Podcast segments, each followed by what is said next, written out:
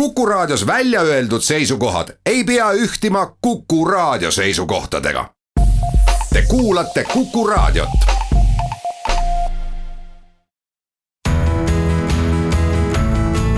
kuku Raadio nädala kommentaar.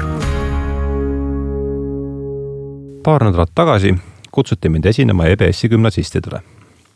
näitasin noortele oma sõnavõtu alustuseks Jordan Petersoni viieminutilist videoklippi kui mitu tundi nädalas te raiskate.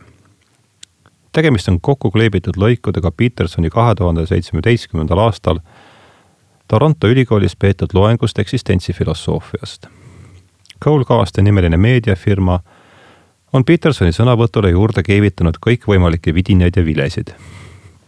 ekraanil vilguvad üksteise võidu kraanad, molekulid, insenerid, rauda sikutavad jõumehed, tühjuses vuhisev maakera ja nii edasi päris lipu, päris lõpus ilmub kogu klippi saatnud dramaatilise muusika saatel meie ette üleskutse. Live your potential, ammenda oma potentsiaali. järgneva pooltunni vältel vestlesingi gümnasistidega peaasjalikult sellest, kuidas me Petersoni õhutuskõnesse ja selle kolmesõnalisse kokkuvõttesse suhtuma peaksime. mul on säärastel juhtumitel kombeks alustada sõnaraamatust. võõrsõnade leksikon annab potentsiaalile kolm tähendust.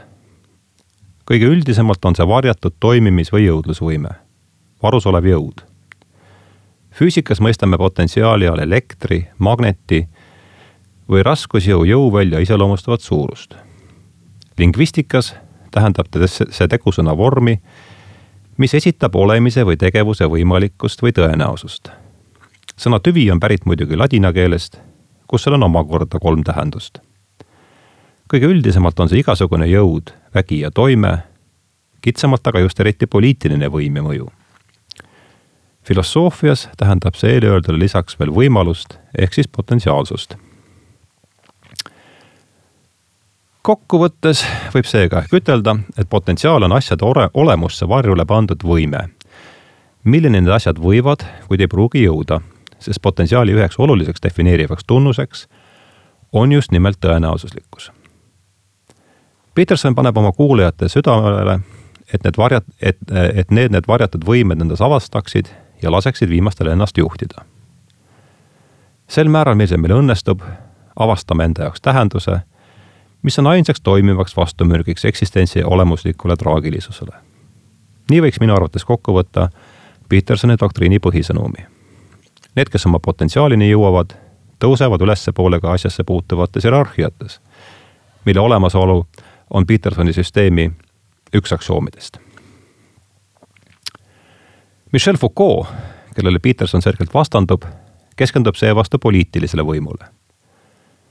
Petersoni nõu kuulda võtnud inimesed jõuavad suurema tõenäosusega Foucault võimupüramiidi tippu, muutuvad seega rõhujateks ja põlistavad sel kombel olemasolevat korrumpeerunud ühiskonnakorda.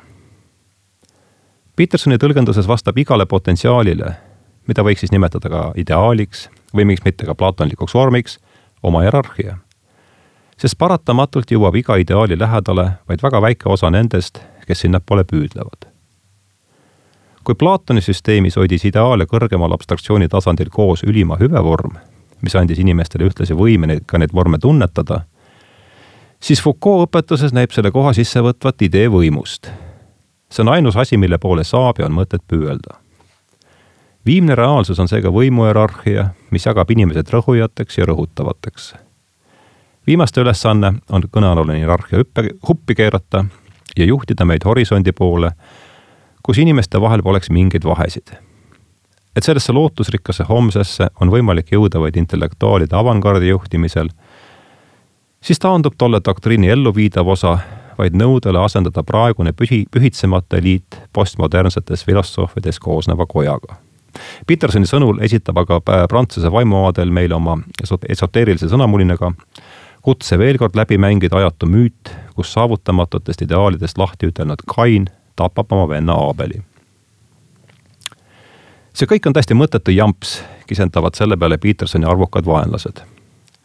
Jordan Petersoni mõtted on segu pseudoteadusest, halvast popp-psühholoogiast ja sügavast irratsionalismist. teiste sõnadega, ta on sitta täis kirjutab keegi Harrison Flussi nimeline kõrgintellektuaal ajakirjas Jacobin. seda seisukohta näivad jagavad ka meie kohalikud jakobiinid.